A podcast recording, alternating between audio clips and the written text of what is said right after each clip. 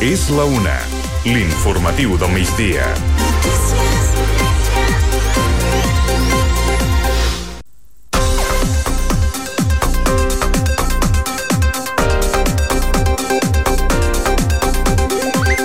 Comença l'any nou, el 2024, i també eh, comencem l'any amb nous preus.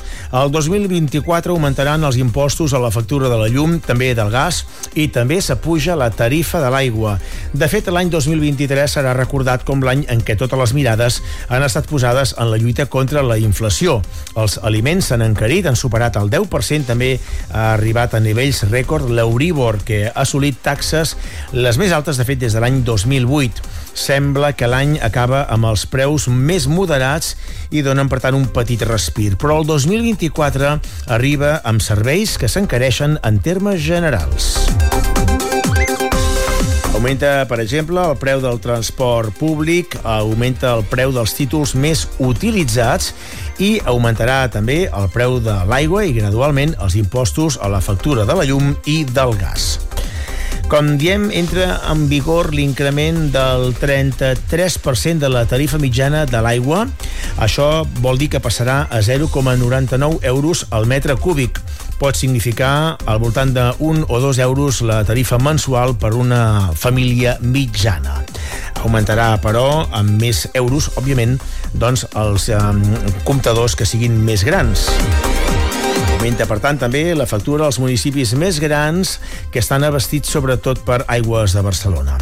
Hi haurà també un augment gradual de l'IVA, de la llum, també de l'electricitat. Aquest 2024 augmenta gradualment l'IVA d'aquests dos serveis. És la normalització dels preus energètics, així ho ha aprovat l'últim Consell de Ministres. De fet, segons s'ha sabut, el preu del gas pujarà fins a un 10% a partir d'aquest mes de gener fins al mes de març. I, a més a més, doncs eh, s'arribarà a l'IVA del 21%, que estarà, de fet, el tipus normal de l'IVA. D'altra banda, el govern espanyol manté la limitació de pujar els lloguers a l'actualització de les rendes, que enguany és al voltant del 3%. La mesura es va aprovar per evitar la revisió de contractes que s'actualitzen amb l'IPC. Pel que fa a les hipoteques, el desembre ha tancat amb l'Euribor per sota del 4% per primer cop en mesos. I amb el canvi d'any, els pensionistes també veuran com els pugen les seves nòmines. D'acord amb el que ha aprovat el govern central, les pensions pujaran un 3,8% de mitjana. I s'ha de dir també que les persones que cobren un sou públic se'ls incrementarà el sou un 2%.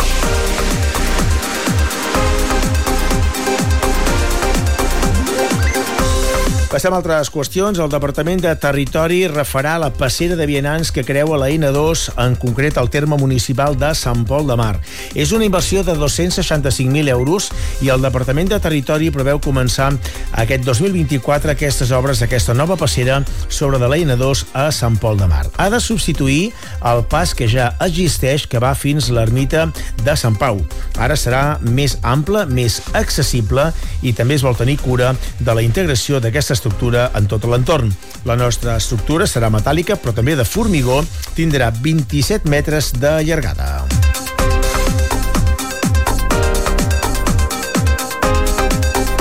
I també destaquem que la rotonda d'entrada a Palafolls començarà a construir-se passat l'estiu. La reunió entre l'Ajuntament de Palafolls i el secretari general de Mobilitat de la Generalitat ha servit per fixar un calendari de construcció d'aquesta nova rotonda que ha de substituir tota aquella colla de semàfors que hi ha d'entrada justament a Palafolls. El projecte ja està redactat, s'ha presentat i eh, val a dir doncs, que les obres es faran durant aquest 2024. Passem a parlar del Nadal a Pineda. Recordeu, fins aquest 4 de gener podeu visitar la fàbrica de joguines des de les 5 de la tarda fins a dos quarts de 9 del vespre. Us recordem que des de les 4 de la tarda podeu recollir entrades presencialment. La regidoria de Cultura ha explicat que s'assigna una franja horària per estalviar temps d'espera. També destaquem que els nens i nenes han pogut anar aquest diumenge a la masia de Mar Rafat de les Creus per entregar les cartes al patge reial. Molta mainada han dut la seva carta i han rebut també a canvi una bossa de llaminadures. També recordem que Pineda ha donat la benvinguda al 2024 amb la gran festa de cap d'any a la plaça Espanya amb el DJ José Reyes. Un cop més ha estat una aposta de l'Ajuntament de Pineda aquest Nadal. I Ràdio Pineda ha ofert també la rebella de cap d'any amb Ricard Ubach per a aquelles famílies o colles que heu fet la rebella a casa o bé amb les amistats. Tot plegat ha començat amb l'especial Mega Top 30 i el resum de l'any musical amb Oti DJ. També destaquem que la banyada de cap d'any a Pineda ha tornat a ser un èxit de participants. S'ha fet a la confraria de la platja dels pescadors, com és tradicional. S'ha organitzat per la colla dels Valents. La festa ha acabat amb el brou calent i el tradicional traspàs de la carbassa. La banyada de cap d'any sempre genera molta expectació entre participants i públic que fan, com més normal, doncs, un munt de fotografies. Alguns banyistes van ben equipats amb barnusos o bé tovalloles, d'altres van amb un senzill banyador. No feia fred, la temperatura de l'aigua ha estat de 13 graus, prou bé per l'època de l'any. I recordem que les activitats al Nadal a Pineda continuen sent un èxit, com ara la simulació de la neu al pati de Can Comas o la pluja de bombolles a la plaça de les Mèlies. També els personatges de Nadal encapçalats per la Neda estan presents a totes les activitats. I recordem també que fins al dia 5 de gener els nens i nenes podeu dipositar cartes amb els vostres desitjos a l'oficina de Correus de Pineda, una oficina que es troba a l'Avinguda Montserrat 94. Per tant, una bústia que recull les cartes que van directament cap als serveis de l'Orient. I hem començat el 2024 amb dia de núvols i clarianes, les mínimes d'aquesta passada matinada de 5 graus. Avui sol, núvols, prim, eh, núvols prims i vent de Garbí i podem de conèixer doncs, quines són les novetats de cara a aquests eh, propers dies. Per tant, ara ens interessa molt conèixer com és aquest inici d'any pel que fa al temps i com serà de cara al cap de setmana. Crònica de Jordi Pérez. Temperatures que pugen, màximes avui, que poden filar-se cap als 16-17 graus, molt abonançada, i no descartem que també en algun punt del litoral i prelitoral doncs, caigui algun 18 graus, o sigui, bonança de dia, malgrat aquests núvols i malgrat aquests vents de, de garbí. Demà som dimecres, 3 de gener, doncs demà hem d'esperar una jornada calcada. Sol, bandes de núvols prims, núvols mitjans, estones donaran el cel mig ennuvolat, els vents seguiran sent de garbí, pot girar una mica de ponent, cap a les zones de les comarques de l'àrea metropolitana de Barcelona. Això què pot fer? Doncs que la temperatura encara s'enfili més. No descartem demà cap a les comarques de Barcelona que caigui algun 20 graus, de nou. I a la resta, doncs, 17, 18, 19 graus. O sigui, ambient molt, molt abonançat. Massa per les dates, però és el que tenim. Primer dijous seguirem amb el mateix patró, però ja amb símptomes de canvi de temps. Ja els vents ja quedaran més encalmats, eh, els núvols eh, podran ser una mica més espessos, eh, lleugera baixada de temperatures en alguns indrets, sobretot zones interiors, a la resta doncs, encara es poden mantenir, però amb símptomes ja de canvi de temps, encara el temps, insistim, serà estable, amb grans clarianes de sol, tot i alguns núvols prims i un núvol mitjà, i estem a l'espera, eh, pioients, a les vísperes de Reis, perquè eh, ens arribarà, s'està despenjant una petita borrasca des de la zona de Terranova, Labrador, des del nord-est del Canadà, eh, travessarà tot l'Atlàntic i apunta apunta eh, cap a la península ibèrica, cap al Cantàbric i Pirineus. Eh, I, per tant, aquesta situació de borrasca, acompanyat de notable aire fred en alçada, doncs, eh, posteriorment, cap a la matinada eh, de Reis, eh, formarà una borrasca, una, una borrasca davant la costa catalana i tot plegat pot fer que reactivin les precipitacions a la tarda a la tarda del dia de divendres, víspera de Reis, eh, amb una situació de regada de pluges a les comarques, especialment de Barcelona i Girona. Eh? S'haurà d'anar seguint, però ha canvi de temps, insistim, perquè podríem tenir la primera regada d'aquest any el dia 5 de gener al, a la tarda, vespre, nit. Anirem seguint. Posteriorment, baixar temperatures, borrasca cap a Itàlia, el dia de Reis, entrada vents al nord, baixada de temperatures, ambient clarament hivernal el dia de Reis, ens haurem d'abrigar força, els Reis també s'hauran d'abrigar, eh? el dia 5, perquè segurament doncs, potser hauran de fer servir els paraigues, eh? Doncs eh, el dia de Reis, doncs, baixar temperatures, ambient fred, d'hivern, com toca per les dates, res d'accessos, normal, per ser primers de gener, i el diumenge es mantindria l'entrada de vents de nord, Eh, això sí, s'obriran clarianes tant el dia de Reis com diumenge, amb grans clarianes, segurs núvols, en principi no esperem precipitacions, però l'ambient serà plenament hivernal. I atenció a la setmana que ve. Atenció a la setmana que ve perquè... Per què, per què diem això? Per què diem això? Doncs mirin, perquè des de l'Atlàntic un cop ens creui aquesta zona d'inestabilitat a les vísperes de Reis i el dia de Reis, doncs des de l'Atlàntic, des de Canàries Azores, hi ha, aquest, hi ha un anticicló, però que no se quedarà estancat o ubicat a les Azores, com ho fa habitualment, sinó que se'n va cap al nord, cap a Islàndia, cap al Regne Unit, cap a Escandinàvia. Se'n va una bombolla calenta, anticiclònica, que se'n va cap al nord de l'Atlàntic, cap a zones pròximes entre Islàndia i Noruega, tot aquest sector.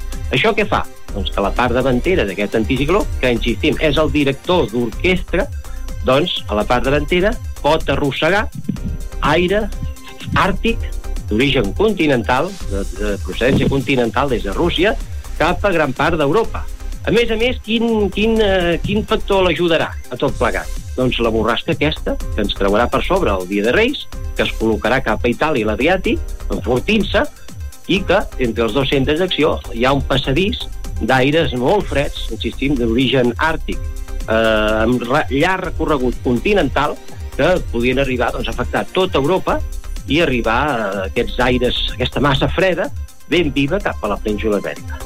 Doncs gràcies, Jordi. Estarem atents a aquest canvi de temps important que podem tenir, sobretot a partir de la setmana que ve, però ja afectant-nos en part eh, aquesta jornada prèvia als dies de, de Reis, per tant, podria afectar la cavalcada. Bé, ho estarem seguint de ben a prop, ho farem en els propers butlletins informatius. Així acabem, doncs és tot. Gràcies per la vostra atenció. Tota la informació a cada hora en punt i també, com sabeu, a internet.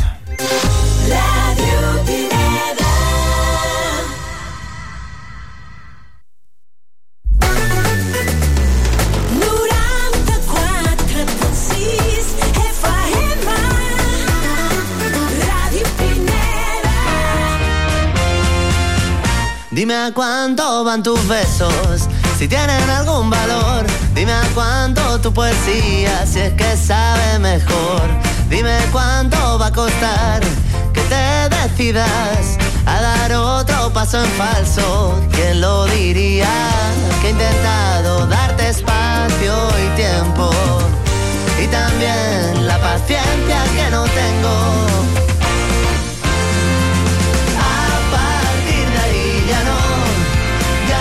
Cosa mía, ya no es cosa mía. Puedo pedirte perdón si te va a sentar mejor que te lo pida, que te lo pida.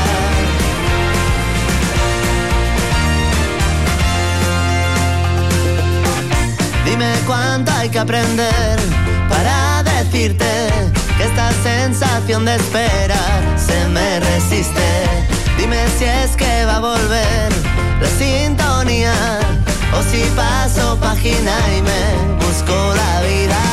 He intentado darte espacio y tiempo y también la paciencia que no tengo.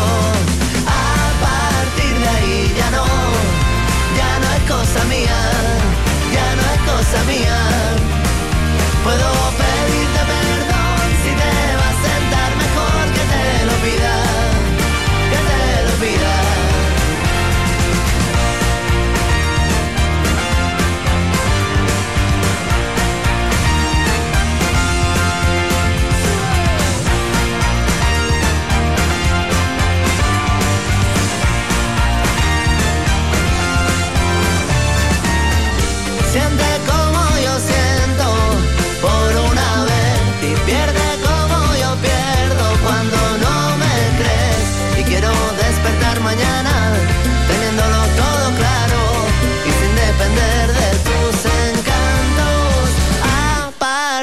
y ya no, ya no es cosa mía,